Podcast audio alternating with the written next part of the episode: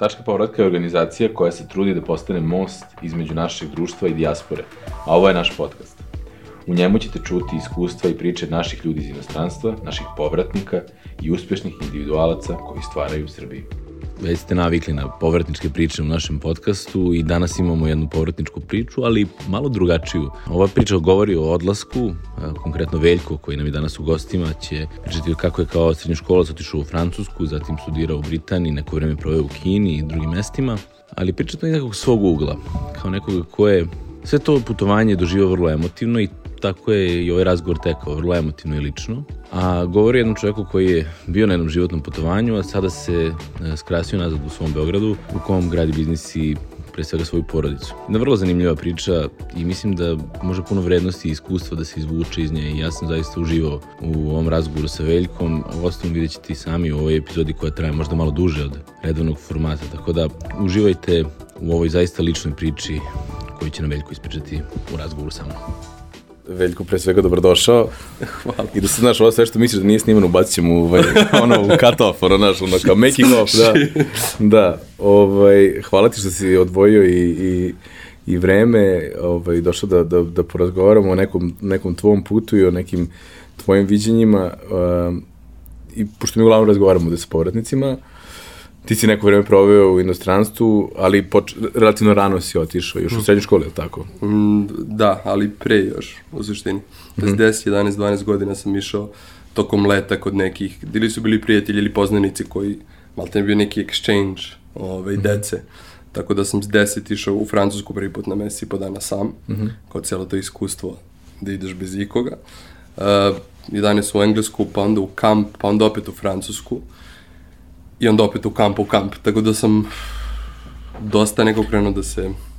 Kako kažeš ta razmena, je to stvarno bila neka formalna ili neka neformalna? Ne, bilo je, mislim da je, mislim da je moja majka tražila nekog za tako neku priču. Upoznala jednu familiju gde, gde je majka bila srpkinja, otac je bio francuz, imali su sina mojih godina. I onda su oni želi da on malo srpskog integrira, integriše u svoj život. Uh, I onda smo radili priču da ja odem u Pariz, živim sa njima, odem s njima na more, onda se nas dvojica vratimo u Beograd, onda mi svi zajedno odemo na more. Mm. I to ne je... znam, je to bila razmena ili su oni hteli da dobiju besi podara sloboda od da, to, vratno obe strane, da, da, da, da, da. To, to da. Mm, ovaj, a e, u Engleskoj je drugačije. Jesi već pričao francuski kada si, ili si tek učio tamo? Ne, u osnovnoj školi išao sam i onaj obdenište koje je imalo malo francuski mm -hmm. i to, ali to je pesmice i pesmice i gramatika. I brojevi. Mislim, da, da, nije. I si zapravo, kada si otišao tu sa 10-11 godina, si onda savladao malo jezik ili... A mislim, znaš, teško je sad da se setim iskreno koliko, kakav je bio moj nivo francuskog, ali znam da sam mnogo bio odlepio na ovaj Dragon Ball.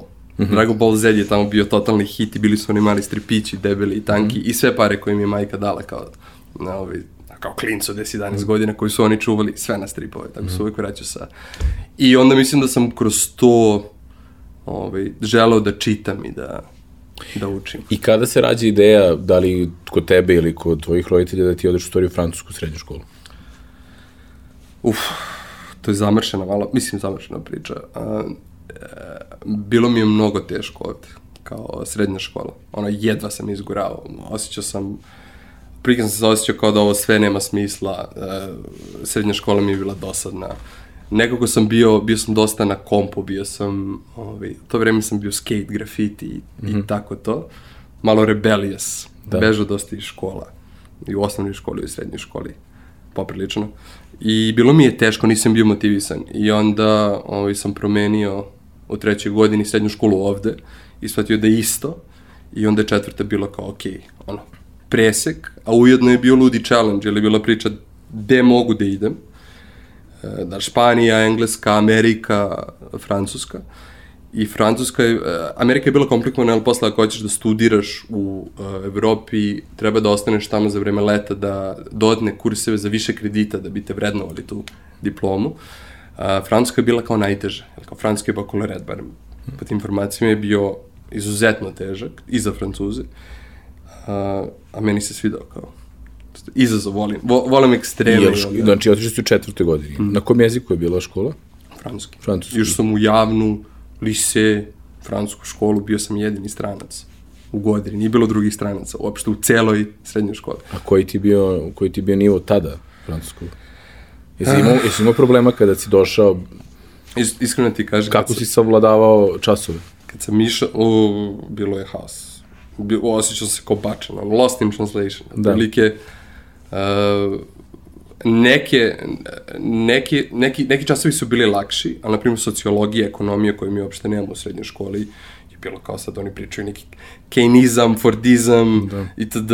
Ovaj, totalno izgubljen, filozofija, istorija, teško. A nisam pričao, nisam mogao da, da pričam, da komuniciram kao sad ovako, ali sam razumao većinu. Ali sve te stručne stvari su bile izuzetno teške. A si se osjećao, kažeš da si ovdje imao problema nekako da se možda uklopiš ili bleo si puno na kompu ili bio si malo pobunjenički nastrojen, jesi se tamo drugačije ponašao ili šta se tamo desilo? Ove, bilo je... E, tamo je bilo, bilo je zanimljivo zašto splet okolnosti e, u Francuskoj familija koja uzme stranca da studira, dobije odbitak poreza na kraju godine. Tako da u suštini oni, njima ništa se ne plaća, oni te prime, hrane te i to je to. I sad familija koja je mene primila je bila u Vinogradima, koja je bila na sat vremena od Aix-en-Provence, koji je studentski grad, koji je super, čak sat i po. A ja sam išao u srednju koji, u malom gradu koji se zvao Pertuis, ono, niko nikad čuo. E, ja sam bio na 40 minuta od tog gradića. Ali bukvalno, ono, blatnjavi put, vinogradi, Koji je kuća. bliže veći grad? Aix-en-Provence pa Marseille. Marseille. Da, dobro, Marseille. I, do, I onda kako si se tamo pronašao i kako si se osjećao? to je bilo haos. Pa, pa, znači, odlazimo odande, 3-4 godine sam, odrastao sam na Vračaru. U skejtu, grafiti, totalno, da kažem, gradski, asfaltno. Da. Znači, baš sam bio u tom fazonu i bilo mi, bio je šok. Mislim da ni sam nisam bio svestan koji je šok. Znao sam u jednom trenutku, u jednom trenutku sam krenuo ponovo da igram World of Warcraft koji je, jel, koji, koji sam kao 3-4 godine pre toga igrao pa batalio, ali mislim sad u retrospektivi to je bio šok od ono coping sa svim tim stvarima. Mm -hmm. I posle jedno 4-5 meseca malo krenuo da bežim iz, Da. da. odatle. A, ali je sve ispalo okej na kraju. Ovaj, I završio si školu, sve, si pao neke ispite, kako to je? Da, ludilo. Ne, iskreno ne znam ni sam do dan danas kako. Znači, ne znam kako sam prošao to sve. Da. Zato što je uh, svi, uključujući direktorka je naravno, direktorka, direktorka mora da odobri da dođe stranac koji ne, ne dolazi iz, iz francuskog sistema edukacije. Zato što će prosek da je ode, da, da bude lošiji. Tako da sam se ja s njom upoznao više puta i razredni mog odeljenja je na mene kao pazio I svi su bili u fazonu, Veljko, moramo da napravimo strategiju da dobiješ 8 od 20, jer onda te neće ocenjivati anonimni ljudi iz Francuske, koji te gledaju samo kao šifru, disertacije, slično je, prepostavim, na IB-u, mm -hmm. ovaj, e, već će videti oralno, pa će biti malo više ovaj, opušteniji, pa ćeš proći. I, I ono što me u stvari spaslo te godine, tada je što backstory je da par godina pre toga, mislim, bio sedmi, osmi razred. Skate, ništa, ono, totalno, duga kosa, dredovi, ja, grafiti svuda, nikog ne slušam i Keva me nešto natera, uceni me da odem na kurs sa njom, tri dana za vikend, što mi je bilo nebulozno da odem bilo gde, da, ovaj, uh, fast reading, mind maps mm -hmm. i kao memorizing brzo, kako, Jasno, brzo čitanje, da, memora, brzo čitanje, memo, memorija, mape da. uma, jel? Mape uma. Toni Buzano. I ja to završim kao, ok, cool. I u Francuskoj krenem da primenjujem sve te tehnike, jer bukvalno knjiga ekonomije je ovako debela, a na bakaloratu, znači posle četiri godine, je gradivo iz drugog, trećeg i četvrtog. Znači, kompletno akumulirano. I disertacije su naravno, ono, e, sinteza, ova, e, sam mi mozak, e, e, znači imaš intro, imaš tezu, antitezu i sintezu. Mm. I, za, i, znači, a to sve moraš da izvučeš od svog mišljenja, da. na osnovu znanja koje imaš od tri godine. I meni ekonomija, na primjer, bila totalno... Nepoznato, da. da. I onda kroz ovo sam krenuo da mapiram knjige, da lepim po, po zidovima u sobi i na taj način bukvalno da učim godine, dešavanja i to da na pamet, da bi posle mogu da koristim u argumentima. Da. Koje, I nekako se ispalo ok. To, matematika, naša matematika je super, a oni su igrom slučaja kasnili godinu dana od naše. Mi smo, naša matematika u srednjoj školi je godinu dana napred. Da, tako da si ti to mogao lagano da... Da, i fizičko, engleski I prošao. i prošao 11,4. I nakon, nakon toga upisuješ fakultet u Londonu. Da, ali na jedite i jade, pošto ima, ovaj, ima problem, jer uh, francuski bakalaureat, otprilike svi francuzi koji završe bakalaureat, kad dobiju uh, ocene za, za kraj, su već upisali faks na osnovu proteklih ocena. Na osnovu, mi smo najbi imali to predicted. Kao na osnovu predviđenih ocena ti upišeš, ako ostvariš to, onda ti si već znaš gde si upao. A tamo ti je već slot, E, Rezervisan. Rezervisan. A ako ne ispuniš, onda se drugome daje. da. A meni nije moglo to uopšte da radi, tako zato što Da. sam bio taj čudan slučaj kao Srbija, pa Francuska, drugi edukativni sistem, nema toga. Da. i morao sam da čekam do kraja. I kad sam dobio ocen i kad sam prošao, to je već bio onaj poslednji call za filling the gaps za ljude koji nisu. Da. Tako da je već bilo, Frka. bilo baš frk. Baš ba- šest fakulteta je bilo gde sam aplicirao. Mislim da je 3-4 bilo pun, punih. Jedni nisu hteli da spuste, imali su za 14. minimum. I jako Da. je bilo, kao, ali ja nisam francuz, meni je ovo već ogroman uspeh. Ne, i, i ništa, onda sam upisao sam faks, birao sam između dva, mislim da je bio Warwick i EBS. I svidelo mi se kod BBS-a što imaš godinu da odeš još negde. Da. I igro slučaj, završili smo isti fakultet, a nismo se poznavali, iako smo, verovatno malo zašto si ti bio na razmeni kada sam ja došao, a ti e, između ostalo nisi nešto, pred, pričali smo pre podcasta, nisi se družio pretredno sa našim ovaj, ljudima, imao si neku drugu ekipu, ali još smo se ti ja godinu dana smo, ja sam 89, ti sam 78, tamo kad si ti otišao, ja sam već bio, ja, ti kad si otišao na razmenu, ja sam tek došao, onda kad sam se ja ovaj, otišao na razmenu, ti si se vratio, tako da smo se verovatno mimo ilazili tu, ali eto, obojice smo studirali na istom fakultetu u razmak, u razmaku od godinu dana, što Ali to je super kod tog fakulteta, baš zato što... to je razlog što sam ja odabrao taj fakultet. Isto. Jer to je, eto, za, ne, za nekog, ko, za sve koji ne znaju, stvari, to je to program. Kako izgleda, obično e, fakultetsko obrazovanje u Londonu, e, u, na IBS-u je traje tri i po godine, dok u Britaniji uglavnom traje tri godine. Međutim, oni taj jedan semestar, kada si preko, obavežu te da uh, uzmeš jedan jezik, ja sam uzeo španski, koji si ti uzeo? Kineski i španski. kineski i španski. I onda moraš da provedeš dva semestra učeći upravo na tom jeziku koji si odabrao, ali ti razvuku taj semestar na godinu dana da bi mogao sve kredite da, da ispoložiš ako padneš neke ispite. Ja sam bio u Valenciji i Madridu. A ti si, gde si bio ti? Uh, Hangzhou. O sve vreme, godinu dana. Da, zato što sam... Mogu si da biraš da li da... E, da, bila je fora, mislim da je prvo, prva godina leto, da sam saznao da ako bih hteo da idem, jer mi je bilo nebulozno da idem u kinu na tri mjeseca, kao četiri, kao. Da, da, da, to. I onda su mi rekli da ako završim neki kurs pre, da će mi se računati kao da sam bio. Aha. I onda sam to leto otišao u San Sebastian, mm -hmm. neka u školu. Ovaj, školu španskog, gde onda na kraju nisam ni išao tu školu, sve pare, kupio sam surf dasku, nisam ni išao u tu školu, na kraju sam prodao surf dasku, dobio diplomu nekako, vratio se sa nula para na aerodrom, saznam da mi je let pet dana kasnije, ovaj, spavao na aerodromu dva, dve noći. Da. to je bi- bilo je, da, da, da, da. Dobro, ajde ovako, ajde probamo da, da raščlanimo to onda ovako. Odlaziš na faks, tu je godinu dana nekih osnovnih studija i onda biraš kinu. da. I kako ti je bilo, recimo, u Londonu, kakav ti je bio život tamo, kakav ti je bio život u... Strašno. Strašan. Što? Bilo mi je gore nego u Francuskoj, bukvalno.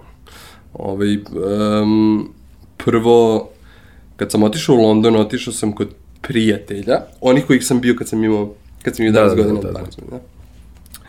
I njima je čerka bila na nekom putu, tako da sam bio kod nje jedno, dve, tri nedelje u stanu i onda su ona vraćali, ja sam morao da nađem stan.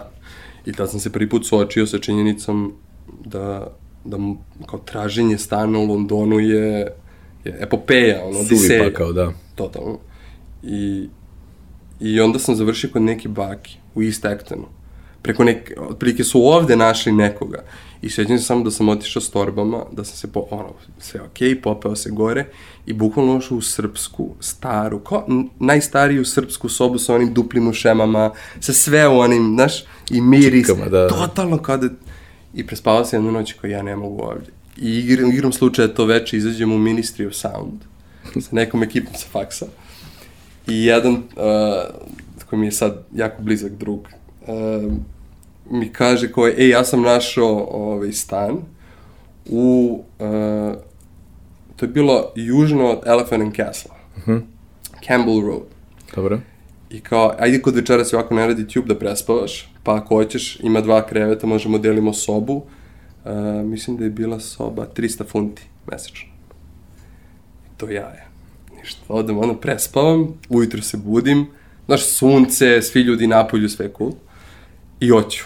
Sutradan, i dolazim kod njega da spavam, i onda polako s vremenom otkrivam da je to hardcore geto. Gde da. bodu, izboli su nekog lika nama ispred vrata, kad sam pitao policajce kao, pa kakav je ovo area, on mi je rekao kao, mate, I wouldn't live here even, even if you paid me, kao. Uf, da. Baš je geto, i baš je bilo hardcore. Taj osjećaj da si pogubljen, da ne možeš da izađeš napolje, da nikad nisam imao... Jesi proveo tu puni godinu dana ili... Ne, 3-4 meseca. Dobro. I onda smo se ja i Chris uortačili se još jednim drugarom i našli neki stan, on, neki stan gde smo dve sobe i, i dve sobe i dnevnu sobu pretvorili u tri. Da. I mogli da izdržimo. I taj finanski šok isto bio haos, jer uopšte niko i mene je Keva, moji se razvili tako da je Keva uh -huh. bila iza mene u smislu financijski. Uh mhm. -huh. Niko nije bio spreman za te cifre, za to, za to sve. Da, koliko je sve skupo, mislim, to... Nenormalno.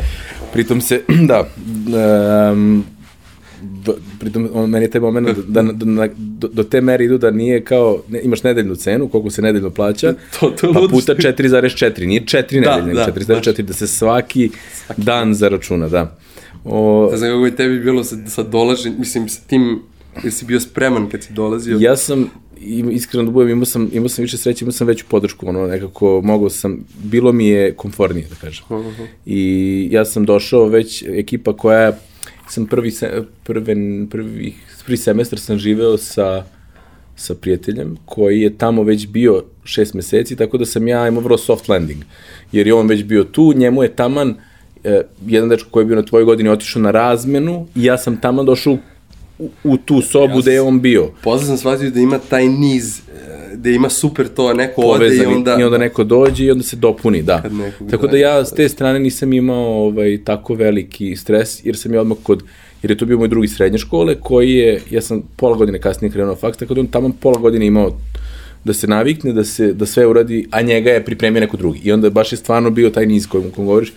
Tako da sam ja imao dosta ovako komforno ovaj, aklimatizaciju u Londonu, a posle sam, ono, čak kad sam se vratio i sa razmene, posle sam živeo sam. Tako da sam, ali tad sam već znao sve, tako da mi je bilo no, lako. Si, da, da, da, svoj na svom. Ma da, ma da okej, okay, kao, ono što se rodilo, na primjer, iz, tog, iz te depere od tri meseca, mm -hmm. što se krenuo da sviram gitaru. Tamo, tada. I posle bih u Kini, ono, izvodio ispred hiljadu i nešto ljudi. Ima te niti da. čudne niti koje se ne bi desile. Ali... Ti si, znači, tek si naučio da sviraš gitaru u Londonu, ili si uh, ponovo uzeo gitaru? sam muzičku klavir, da. kao klinja sam krenuo privatno kao gitaru, ali sam pustio, ali sam bio mnogo mali. I onda je on imao gitaru i kao sediš uveče, ne možeš da izađeš malte ne. Da. Sranje i kao YouTube i kao a, a, a, i tako. I, ka, I onda kaže mi, odlaziš za kinu. Da. Ko je to recimo čisto zbog reference, to je neka 2000, na primjer, deseta. De, deveta. Deveta. Deveta. Da. Uh, I odlaziš u kinu. Odlazim u Kako kinu. to izgleda? Isto nebulozno. Ali, isto nebulozno se, bukvalno tako što vadim vizu posljednji moment, tog jutra kada ja uzimam vizu, sutradan ujutro mi je let, pada sneg najveći ikada u Beogradu, mm -hmm. ulice su sve začepljene, ja idem, ne znam da je kineska ambasada bila, to je uh, tamo iznad, Big, iznad uh, Bigza. Dobro. Pa ceo taj, šta, da. ko je to, to je Senj. To, to, Senjak i Dedinje, se ne znam da je da. kineska tačno, ali... Tu. Dobro. I sećam se samo da idem u Jarisu, sta, ono, sta, 2001. Jaris, i kao idem i krećem da silazim niz ulicu, i polako kočim, ok, iskusan sam u vožnji, znam sneg, i ne mogu da ukočim. Dobro. I ovako idem na dole, kreću kola ovako da se okreću i ja ovako idem ovako paralelno bočno i klinci ovako hodaju iz osnovne škole i kao hodaju i gledaju me. Da. I ovako njih gledam kao idem i srećem stanu kola. I, i zato što je dole bila pičili su, ko- dole je bio čist sneg. Da. I mnogo brzo su pičili. A ova cela ulica je bila pod ledom Da, i da, da. Uzmem vizu, zapalim za kinu na dobrodošli. Spakovao sam torbe pred put, ćao zdravo, otišao sam. Nisam gledao da idem. Ni hotel, smeštaj, ništa. Samo si se pojavio. Da, samo se pojavio. I, i baš, i, i to je bilo sr, ono, preživljavanje. U smislu, avion, bus, treba da odem na železničku stanicu u Šanghaju. Uh, Šanghaj nije tad bio ono što je danas. Da. Znači, razlika je dan i noć. Znači, tad nije bilo engleskih označenih ponegde nešto. Sve je na kineskim Hanzi karakterima koji uopšte znam šta su. I ja kad dolazim u kinu, kao, štedit ću, neću da uzmem taksi do železničke, nego ću da idem njihovim lokalnim autobusom. A čekaj samo da, da mi dopuniš, kako si odobrao, zašto si odobrao kineski? Jesi imao nekako osnovu ili si samo na nekako na blef uzeo kineski u na faksu ili si imao neku, neku osnovu pre toga? Um, dve stvari. Jedna je, jedna je što kao klinac sam, kad sam bio mali, gledao sam Ghost in the Shell, Dobro. anime, klinja na kaseti i to je bio početak anime. I Dragon Ball Z onda posle. Dobro. Ne? E, ili pre. Da. Tako da sam imao taj Japan, japanska kultura i to fascinaciju dubinom. A onda kad sam birao jezik, ja sam se mnogo lomio između kineskog i japanskog, sa idejom da hoću da uzmem nešto što nije evropsko. Nemački ne volim, e, španski sam uzao, francuski pričam, italijanski mi majka priča i možemo da sporaz... Nije mi bilo strano. Tako da sam teo nešto skroz out there. Da.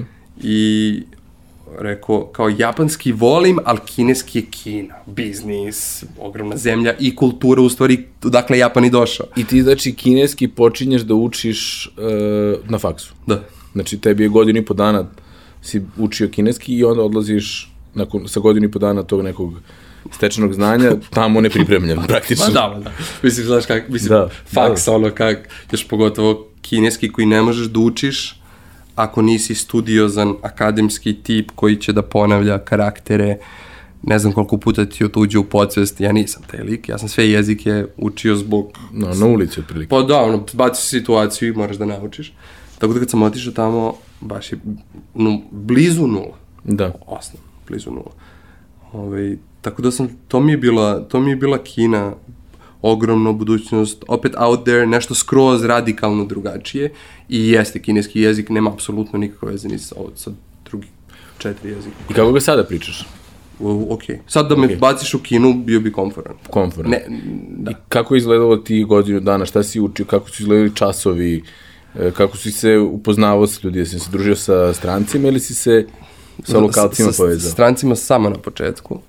Ove, I onda sam skroz samo sa lokalcima. Dobro. Ove, i povezao sam se kroz basket, oni mnogo vole basket, a ja sam pikao na street basket ceo život.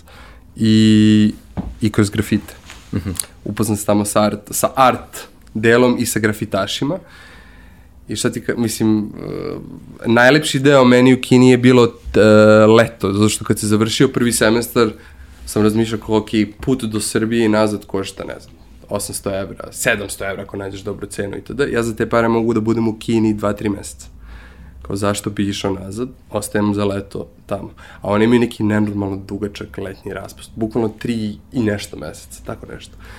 Tako da se spajam sa grafitašima, i oni mi šalju iz jednog grada u drugi, ja vozom idem i tamo me čekaju. Ono, Kina, kad, mislim kad se ode iz, iz, iz, iz Beijinga i Šanghaja, toliko je toplo, toliko te dočekavaju sa otvorenim mm. rukama. Mislim, nenormalno je da u Evropi nikad te neko ne bi, je kao dolaziš da crtamo važi, da te sačekaju na, na a ne trže, na železnici, da te isprate do hostela, da je sve okej, okay, da te vode na večeru, da onda idete za... Znači, totalno jedan toplota. Da. Pri...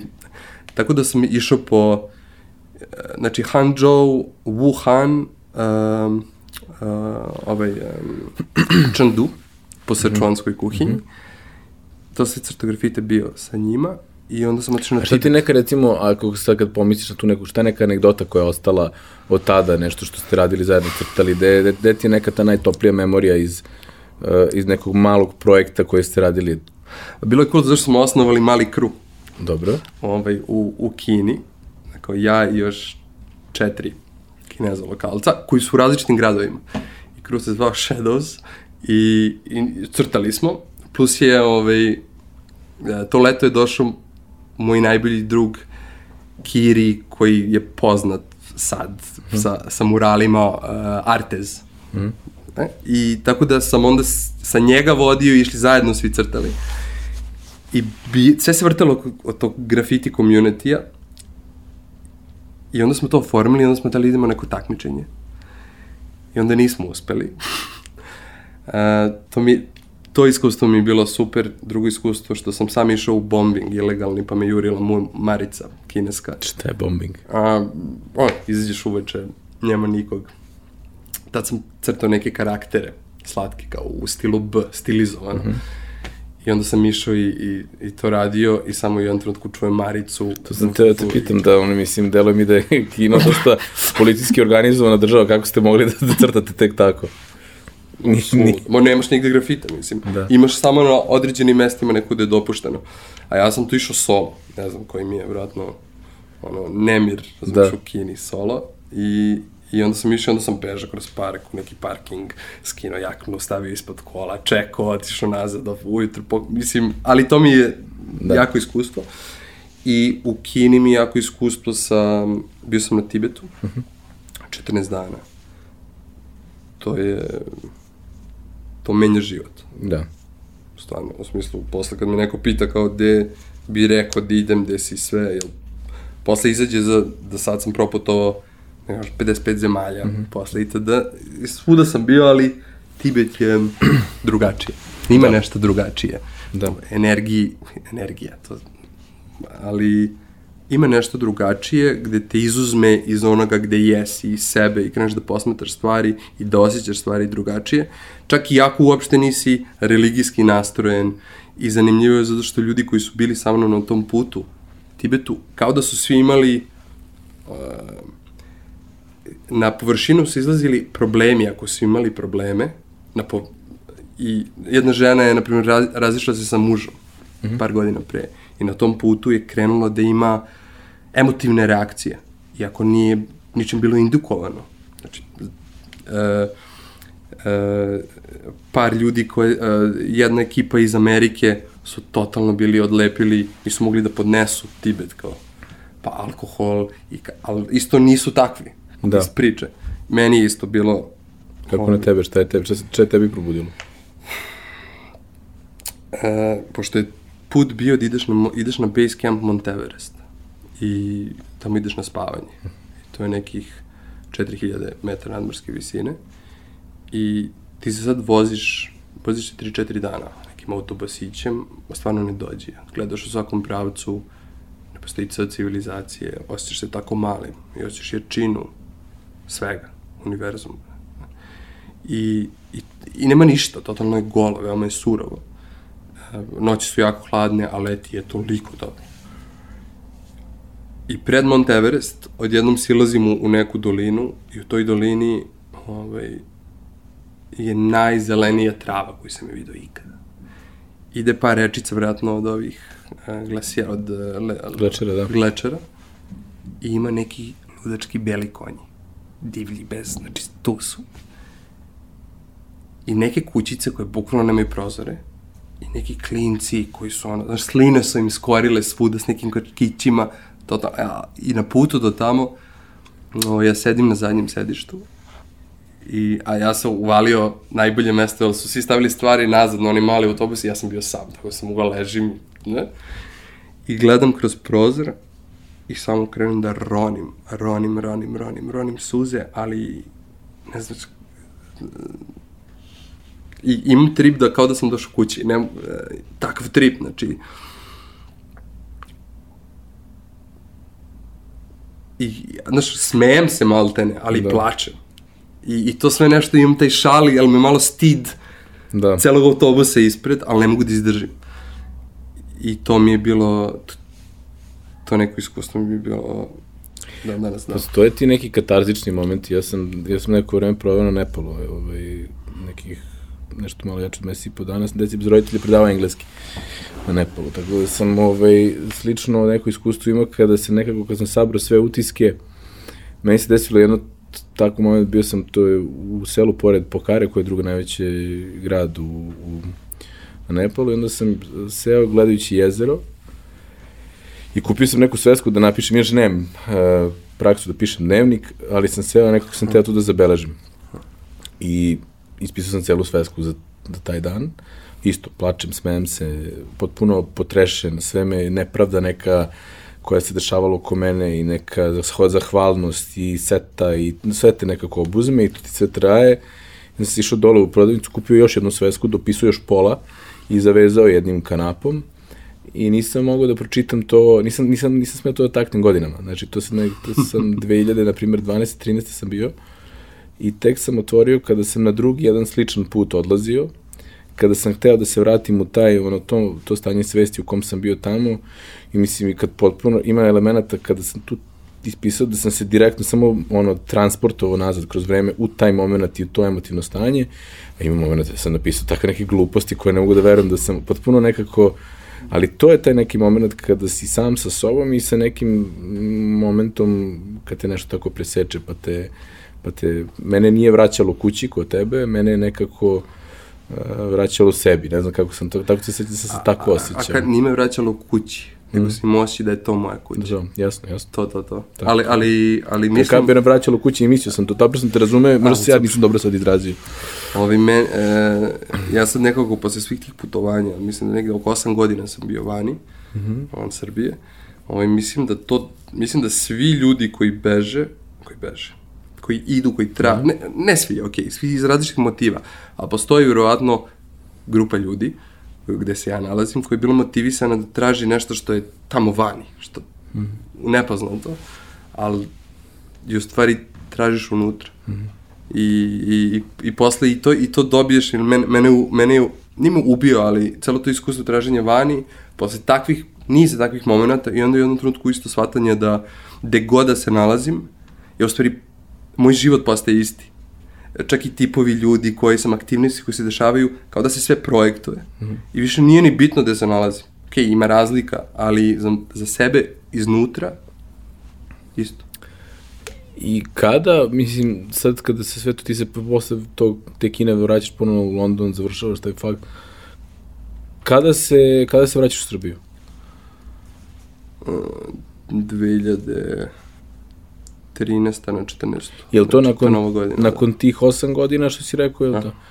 I, I umeđu vremenu si, možemo se dotati to kako si, to, kako si bio steward, ali ajde, ovaj, o, ali šta, me, interesuje me više ovo, ovaj, zašto se vraćaš i šta je neko stanje svijesti u momentu kad se vraćaš?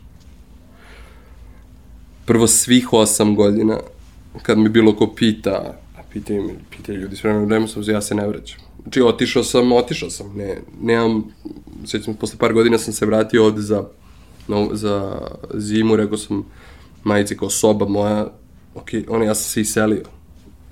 Preuredi, iskoristi, ok, to je trajalo, to je bio proces od dve, tri godine, vratno za nju, da, da, da, da siđe, da, da to sve uradi. A, ali sam bio totalno se ne vraćam. Ne, ništa me ovde, ne, ne, ne vraćam se. Ne čeka me ništa, niti žudim za bilo čime što je ovde. E, I onda se dešava niz, e, ti Emirati su u stvari, i to putovanje da svakog drugog, trećeg dana si u drugoj zemlji, sa 8-10 mhm.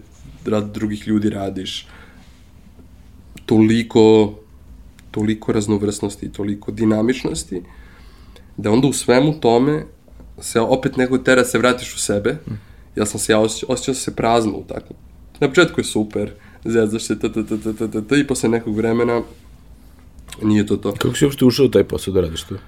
Um, Nešto na prepad ili si to hteo? Na prepad. Da. Totalno. Ovaj, u Londonu završio faks, ovaj, doživao jedno od većih razočarenja. Mislim da sve to, sve, sve ljudi koji, svi koji studiraju, ne sve, ali većina će dočekati slično, a to je završavam faks, kao pričam pet jezika, radio sam od 16. 17. godine, mm. imam znači radno iskustvo, znam, znam, ok, kao naći ću barem nešto.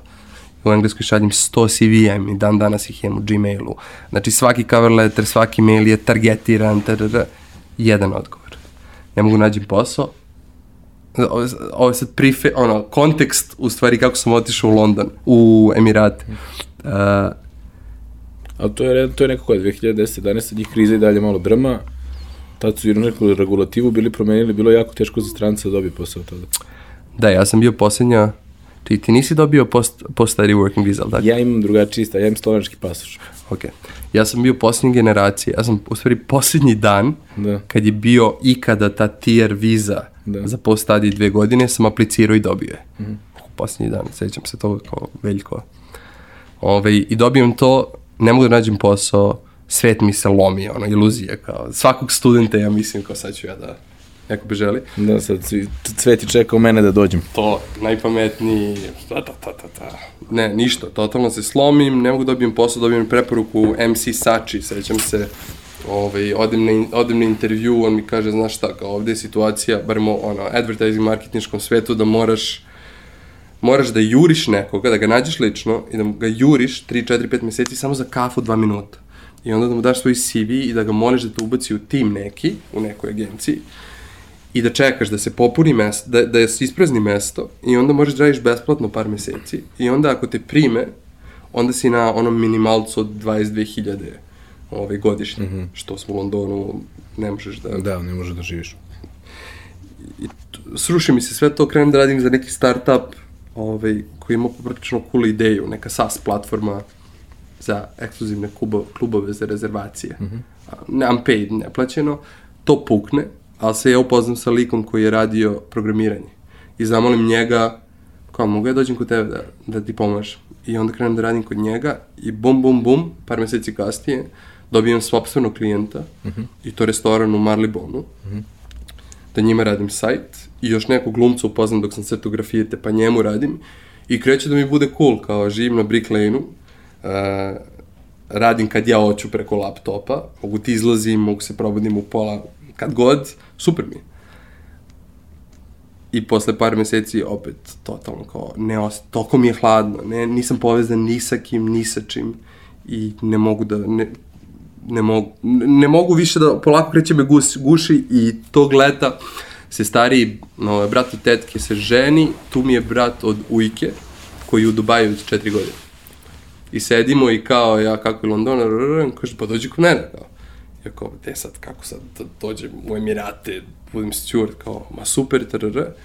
Imaju open day-eve, vratim se u London, nađem open day za dva dana u Cardiffu, sednem na voz, odem, prođem do finala, finalni intervju, vratim se u London, gde ne znaš šta li si dobio, kažem ljudi, ja idem nazad Srbiju, ja sam dobio posao, ja čekam u Beogradu da mi jave.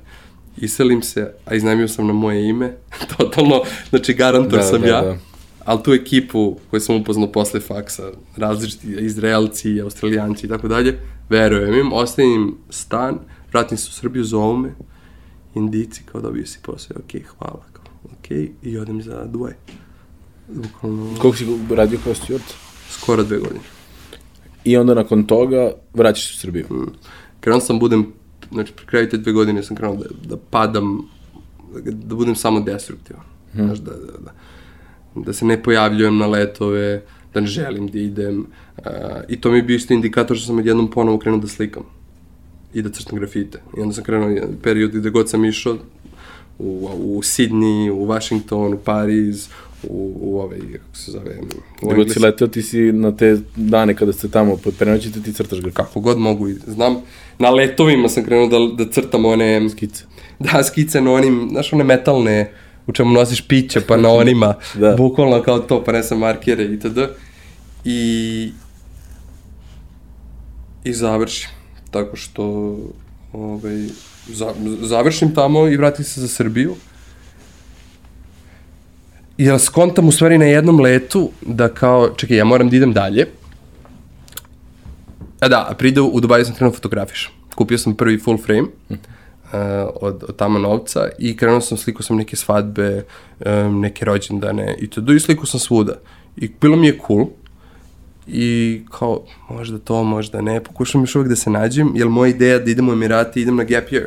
Idem se zezam dve godine, da. ali da dobijem platu, nikome ne izdržava i da putujem.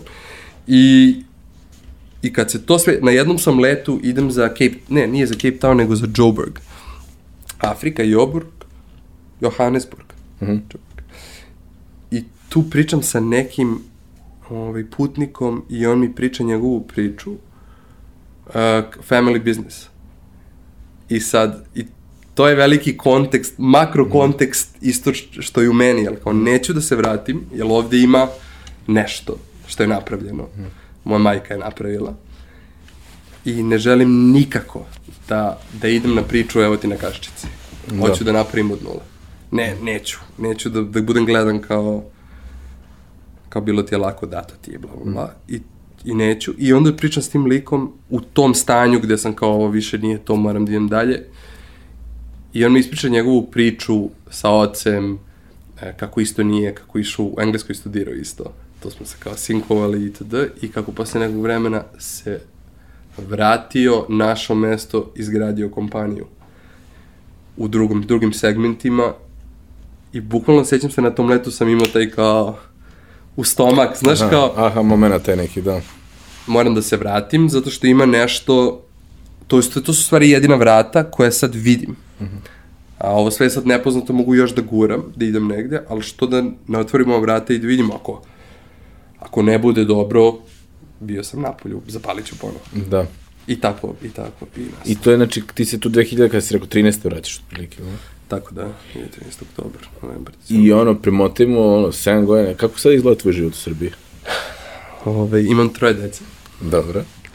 Ove, najponosniji sam, ono, čale na svetu, u smislu, nema, nije, ma nije, ni, ništa ni približno nije kao to i, i uh, znam, da je, znam da je ružno reći, ali ono sam, svako treba da ima decu. Da. Svako treba da ima decu, zašto je to, to iskustvo pff, menja. Menja i dobijaš, pazi, možda, ne, neću, neću da budem ono, gender, da ulazim u gender priče Da, da. i šovinizam, bilo šta, ali uvek sam imao trip da žene prirodno imaju, imaju taj Osjećaj. osjećaj za to, a mi muškarci smo ko punoglavci, ne znam, udaramo svuda, ćemo da nešto, a nemamo to dole, to što nas uzemljuje, to kao suštinu. Neki nađu suštinu, hoće budem u, da imam najjači socijalni kapital, da sam najjači u socijalnoj herarhiji, da me svi znaju, neki u novčanoj, neki u najjed, da. A kad dobiješ decu, tako, mene lično, a i par drugova koje, ko, koji su isto dobili decu, je, kad pričamo o tome kao to iskustvo, to je totalno stavite, vratite na zemlju, stavite u ulogu u koji treba, dati tu tu percepciju da si van sebe, da radiš van sebe, da radiš za nešto što ti srce ispunjava, što je život, što je beskonačnost tvoja na neki način i vidiš sebe u njima, što je problematično u nekom smislu, treba, znači, da, ali ni, meni se život promenio kad sam dobio decu, bukvalno. Kao kičmana. Ja kažem, zezam se, kažem, izrasla mi je nova kičma. Mm -hmm. Totalno. Tako da da, živim s troje dece, sa ženom, nisam se još, ovaj, ali sa ženom i sa psom. I i guram. Ono, deljem, guram mm -hmm. posao sa svih strana radi svašta. Pomenuo Tako. si ovaj, e, taj moment da se postara neka vrata koja si mogao da otvoriš u nekom trenutku, pretpostavljam da si otvorio čime se to sada baviš da i, i šta to delješ da bi mogao da ovaj deo koji te ispunjava zapravo ono, hraniš, održavaš. Um, pre nego što sam dobio decu, mm. sam ovaj, iz, iz, iz nekog rada na sebi psiholog i to mm. da dug niz godina idem u traženju tog unutra, tog nečeg unutra. Ovaj, sam krenuo bio da slikam, ali kao da slikam, slikam, ne grafiti i kroz to. I onda sam jedno skoro godinu i po dana svaki dan slikao imam ono prike ovako ogromne formate. I tu sam krenuo da se nešto budi. I bukvalno u nekoj toj sam dobio prvo dete. I ovaj, I tu, i nekako su u deci sam osjetio tu sad usp, ispunjenost. Mm -hmm. I sad kroz decu osjećam ispunjeno srce. Mm -hmm. A onda sad ide moment preživljavanja. Sad ide onda, ok, sad znam zašto, zato što mi je pre bilo kao zašto, da. zašto ideš na, za, ja nemam, ne želim da budem najbogatiji, ne želim da budem najpoznatiji, ne želim da budem neko da. i nešto. Zašto, zašto? Sad znaš zašto. Ovaj, A sad je pitanje kako. Ali da, sad je pitanje kako i balans. U stvari sam našao, zato što jel, dolazim iz biznis škole. I ja, menadžerstvo i biznis, finansijske investicije, povrat para i, i sve to i jedan nekako aspekt, a onda sam polako krenuo da dubim drugi aspekt, čisto zanatstvo. Znači kao, čisto zanatstvo gde je rad pre, van je van tebe, gde se samo pojavljuješ svaki dan, odrađuješ ga i miran si u tom smislu. I non stop ideš van sebe, nisi u bezbednoj zoni, Uh, gde nekad, moj iskustvo, verujem, sam, znaš, menadžerstvom ili biznisom možeš da uđeš u neki krug, pa očekuješ od spolja da dobiješ indikator da si uradio ili nisi. A ovde, pošto si totalno sam, nema drugih faktora, uvek možeš da vidiš da li si izašao na crtu sam sebi ili nisi. A sad, kako je rad ocenjen ili šta će on biti, to je totalno van tvoje moći i to će možete kasnije da se vidi ili neće. Mm -hmm. I onda sam nekako se prešao tu u programiranje. Mm -hmm. Iz, iz, iz toga, proteklih dve godine, ovaj, u programiranju onda kombinujem kombinujem svu marketinšku psihologiju, mm -hmm. a, biznis znanje, biznis dobila. modela, financija, računovodstva, optimizacija, automatizacije. A, znači sve to, design thinkinga, mm. Google Sprint Designs, um, branding frameworka raznih itd. I onda, ali zanat je u stvari programiranje. Mm. I, I tu sam našao nekako mi zanimljivo. I to radim da bi preživao, bukvalno mm. kao, radim četiri paralelne stvari. Imam brand aromaterapist, imam, radim u poredičnoj kompaniji najzad sada su se malo olabavilo, da. pa sam dobio da mogu marketinški da napravim nešto, jel mm. ovaj, taj family business je mnogo zeznuta stvar. Mm. Mnogo, mnogo zeznuta stvar. Znam iz iskustva. Da, da, sad da te, te pitam, ovaj, Znam, iz, iz, vrlo je, vrlo je, vrlo je opipljiv, ne, vrlo je uh, pipava stvar koja utiče na mnoge, na mnoge druge faktore, ne samo na tvoju profesionalnu karijeru, nego i na međuljudske odnose i sve druge neke stvari, tako da... Kako ne. Ta projekcija odnosa emotivnog mm. i porodičnog u biznis je ubistvo. Da. I, da, i, i to, i programiranje, i I ništa, to kako dopunjavam sebe je kroz sve to deca i nadam se kad se malo budu odrasli slikanje nazad i krenuo sam radim parfeme u protekle tri, tri oh, godine. Ove, ovaj, pre tri godine sam nešto zbog aromaterapista, zbog da. aromaterapeuta da. s kojim sam krenuo da radim, koji je briljantan, mm -hmm. ovaj, me uvelo sad u svet mirisa, a vizualno sam bio dosta jak i muzički mm -hmm. i ovo mi je bilo jako zanimljivo. Mm -hmm. I kao, znaš, kao postoji tajni svet koji svi doživljavamo. Mm -hmm. Niko ne priča o njemu. A toliko utiče na naš, našu svesnost. Mm -hmm. I, I isto je kao mišić. I kreneš da ga razvijaš, kreneš da šetaš ulicom i da doživljavaš novu senzaciju. Da. No, tako, da čitaš knjigu. Mm -hmm. Osjećaš miri, obraćaš pažnju i osjećaš različite mirise i to zanimljivo je, kao non stop otkrivaš nešto a sve, sve je prisutno je. I onda sam to, da. Ne, baš onako jedna eksplozija, ovaj, jedan vatromet uh, i interesovanja i zanimanja i nekog, nekog životnog puta. Ali, sad kad imaš decu, ti se percep, e, promenio, promenio, promenila percepcija na odlazak, recimo, ili, ili razmišljaš možda ponovo, ponovo odlazku u Srbiju? Um, znaš kako sada, ne, zato što kroz, kroz prisustvo sada u stvari zašto se vratio i zašto sam dobio decu a, mnoge veze familijarne su se su počele da imaju smisla mm -hmm. ja dolazim iz familije koja je dosta prvo neko svi su imali kasno decu pa onda nema mnogo ne, nije bilo mnogo da. živih pa veze a isto nije bilo onih familijarnih uh, porodičnih rituala bondinga i da. to Tako da mi je to sve bilo poprilično strana, svi smo neko individualci, hardcore. Tako sam dobio decu i iskreno kroz ženinu stranu, njena familija, iz Negotina, Negotin mm. Kladova, uh, oni imaju mnogo toga. Da. I, i bukvalno je kre, kreće, prelepo je videti to i onda čak i moj deo familije, znaš, se, sve se vrti to, oko da. toga, da. I sad nekako zbog njih ne želim da ih, da ih, da ih, da, ne želim da, želim da imaju dodir sa korenjem. Ja mislim zaista da stari način odrastanja kad si u selu, kad te ne odrastaju samo dvoje ljudi, tvoji roditelji. Nego celo selo. Celo selo. I ti kada gledaš kao Jungove arhetipe i kada ti projektuješ te arhetipe na različite ljude, jel ne može tebi otac da bude i, i sigurnost i osoba koja te gura do granica, jednostavno to je konflikt unutrašnji. Da.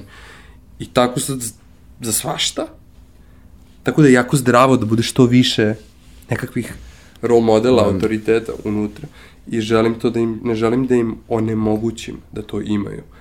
E sad, kasnije, ne znam, malo je, mislim, Srbija je zanimljiv, mislim, zanimljiv jedan kontekst sada. E, što se tiče dece, ne mogu kažem, postoje, postoji mnogo zemalja gde mnogo bolje imaju ovaj, pristup uopšte dečijem od, odrastanju, šta ti je, od, i, i kao javno, javno dobro, i kao privatne opcije. U Srbiji je to sve malo, ja percepiram kao džunglovito. Da. I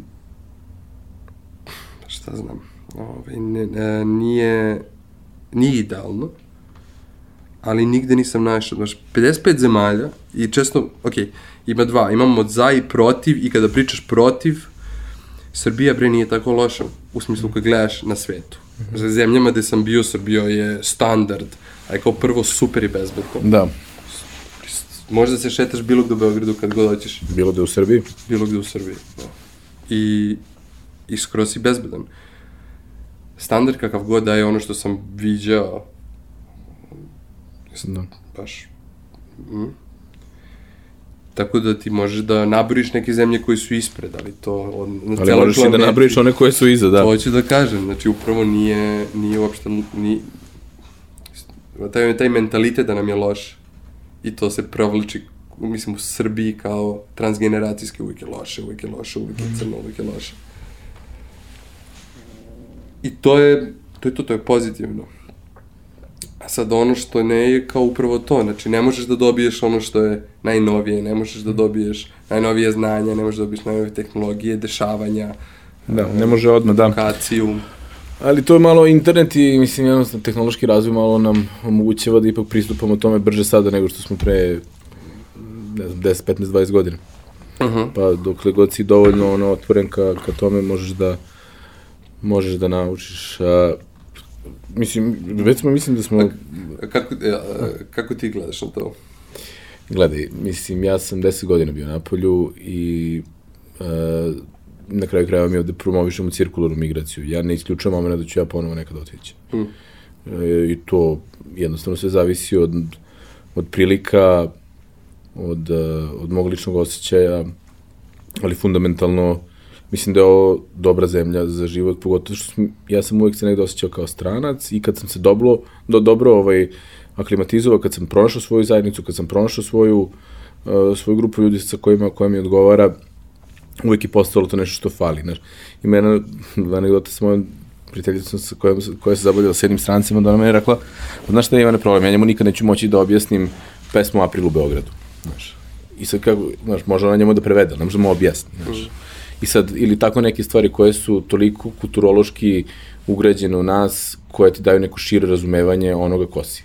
I to je kada se, kada pripadaš nekoj zajednici, jer mi možemo razne, recimo, zajednice kulture da percipiramo, jer smo odrasli na njima, ti američku kulturu, možeš vrlo lako da im printuješ na sebe zato što si odrastao uz nju na neki način. Sad nekom Amerikancu približi srpsku kulturu, nos, dosta je komplikovanije. Ali, ali iskreno, izvini, ovaj, e, na konto toga, što sam bio u Americi par puta, zato što sam Mhm. letao tamo. Mm. Osijek koji sam doživao tamo kad sam bio na licu mesta. Mm. Je bio ono, Wild Wild West. Kao komplet, Da. da. Ja sam odrastao na američkoj kulturi. Mm. Hip-hop, graffiti, kao, to mi je jedna od stvari koje sam stvarno odrastao. I sve. Okej, engleska tehnologija i da Ali kad si tamo, čoveče, ono uopšte nema veze ni sa čim što si gledao. Stvarno se osjećaš nebezbedno. Tačno. I osjećaš da je takav jedan haotična tenzija kakva je Evropa da. nema uopšte. No, opet zavisi, Amerika je toliko velika zemlja da tu, tu postoje ogromne razlike. Ja sam recimo kad sam bio u Luizijani, ja sam mislio ovo je ljudi, ovo ono, nije, ono, nije razvijeni deo sveta, mislim, ono, mislim u jednom delu, delu Luizijane. Uh, ali ima i nekih nevjerovatnih kad dođeš u New York, to je stvarno kao potpuno, ne, ne možeš uopšte da se pojmi te stvari. Ali, Da, ali mene su u San Francisco jurili. crnci. U San Francisco.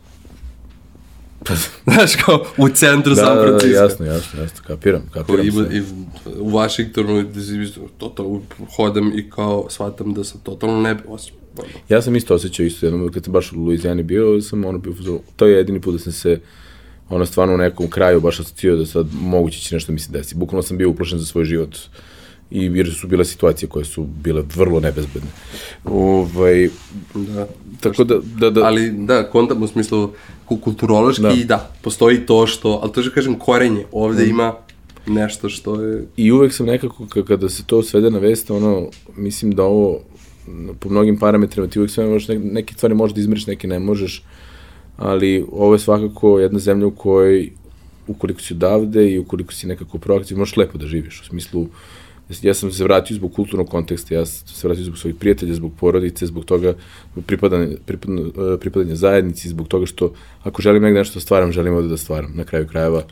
Ali ne isključujem moment da, da sutra spakujem kofer i odem. Da, ali da, da. Ja, ja imam isti takav diskurs. S tim što uvek govorim kao, ok, tamo gde ti nije ustaljeno tržište, mm. tipa u Londonu, hoćemo pravimo ove čaše, mm. kada bi se probili na tržište? Nikad. Nikada. A u Srbiji, Da. mnogo, mnogo lakše. Za mnogo manje, pare. Ovaj, E sad, ali al, al definitivno je pitanje, da kažem, subjektivno pitanje koje su tvoje okolnosti.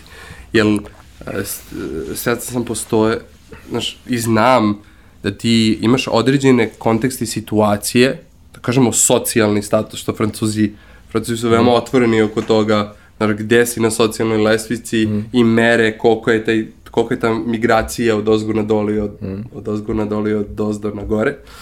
Ovaj, da postoje ovde situacije gde, gde je mnogo bolje biti negde vani, ono, u smislu preživljavanja. Mm. Jel, nemaš ovde neke, nemaš mogućnosti, nemaš podršku. Da. E, I da kažeš, ako hoćeš da radiš za nekog i hoćeš da imaš nekakav život, da ovde nećeš dobiti toliko za to. Toliko možeš da dobiti Da, neki drugi. a onda kad, mislim, i onda kad odeš u neki srednji, gornji, onda ovde postaje mnogo bolje, jer možeš da imaš stil života koji ne možeš da sanjaš na zapadu. Da. Treba ti treba mnogo, para. Da odeš u operu, da odeš u restoran, Da, da. to je ćao. I da, kontekst taj. Mislim, ljudi odlaze i vraćaju se iz različitih razloga i nijedni, i redko kad su ti razlozi racionalni. Uglavnom su to neke emotivni, da li su to neke frustracije bez pa odlaze zbog toga ili se vraćaju zbog nekih emotivnih razloga. Ono što mi susrećemo u direktnoj komunikaciji, vidimo da je to vrlo često samo na nekom emotivnom nivou koji je onda posle izracionalizovan na neki način. Sve je tako. Tak, Tako moj da, da. takav je osjećaj Da. da. je sve tako. Da. Zato treba unutra gledati kormilo, a ne spolja, osim kad je preživljavanje. Počeli smo, pošto sad već, e, ovaj, mislim, polako se približavamo i nekog kraja razgovora, mada mi je i žao zbog toga, jer nekako mislim da, aj, mislim da ćemo ovaj razgovor nastaviti kasnije kad ugase se kamere, ali ovaj, e, počeli smo sad da postavljamo neka pitanja gostima, koja su nekako, uvek- da, da vidimo neke slične vizure, iz, iz, iz slična pitanja, ali druge vizure. Uh -huh. ovaj, pa recimo, pitanje, e, da sada imaš neki ono magični štapić koji možeš da zaustaviš vreme, i da promeniš jednu stvar u ovom društvu koje sutra kada se kada vreme nastavi da teče e, svi tu promenu doži, e, ovaj, doživljavaju kao zdravo za gotovo. Da. Koja bi to promena bila? 100% transparentnost. Transparentnost. Da, zašto transparentnost, uh, transparentnost iziskuje odgovornost. Uh -huh. Problem sa nama samim ko individuama, mi nismo transparentni ka svojim ponašanjima, uh -huh. racionalizacija, što si rekao. Misliš nešto, ali ne sagledaš šta si radio tog dana, šta si radio mesec dana, šta si zaista uradio, što kaže žurnal. Da. A kad to uradiš, krećeš da budeš odgovoran za to i onda možeš da izmeniš. A kad nema transparentnosti, Ja. ko šta kako priča i mislim da kad bi postala transparentnost na svim nivoima, odgovornost bi odmah došla i onda mm. da kažeš harmonije i svi bi znali šta radimo. Mhm, da. To bi menjalo. Dobro. I jedno pitanje, a, koju knjigu si najviše poklanjao? Drugima. Sebično nisam mnogo poklanjao knjiga. A. Verovatno, a, a, kažem, nisam mnogo, tako da to nisu neke ono brojke nenormalne, ali znam da je bio period života gde sam, gde sam poklanjao ovaj, par puta Carlos Castaneda. Mhm. Prva knjiga u seriji, mislim da se z, uh, zaboravim, ima ih 7-8, pa sam sad već permutovao uh, imena. Ali prva knjiga u seriji, ovaj, sam poklanjao par ljudi. Dobro, to onda naći ćemo zapravo taj nastup pa ćemo staviti u, dole ispod kako se zvao, kao koja je preporuka. Hvala ti puno što si izdvojio vreme, hvala ti puno na razgovoru koji je i inspirativan i emotivan, iskren i, i direktan, tako da uh, hvala na toj energiji i emociji koju si podelio, tako da... Ovaj, hvala na poziv. Ne, apsolutno. I drugi put uh, i ništa, želim ti stvarno svu sreću u tom daljem putu, pogotovo kada je su u pitanju ono, klinaca koje, koje sada, koje ispunjavaju tvoje srce. Hvala ti. Hvala ti puno.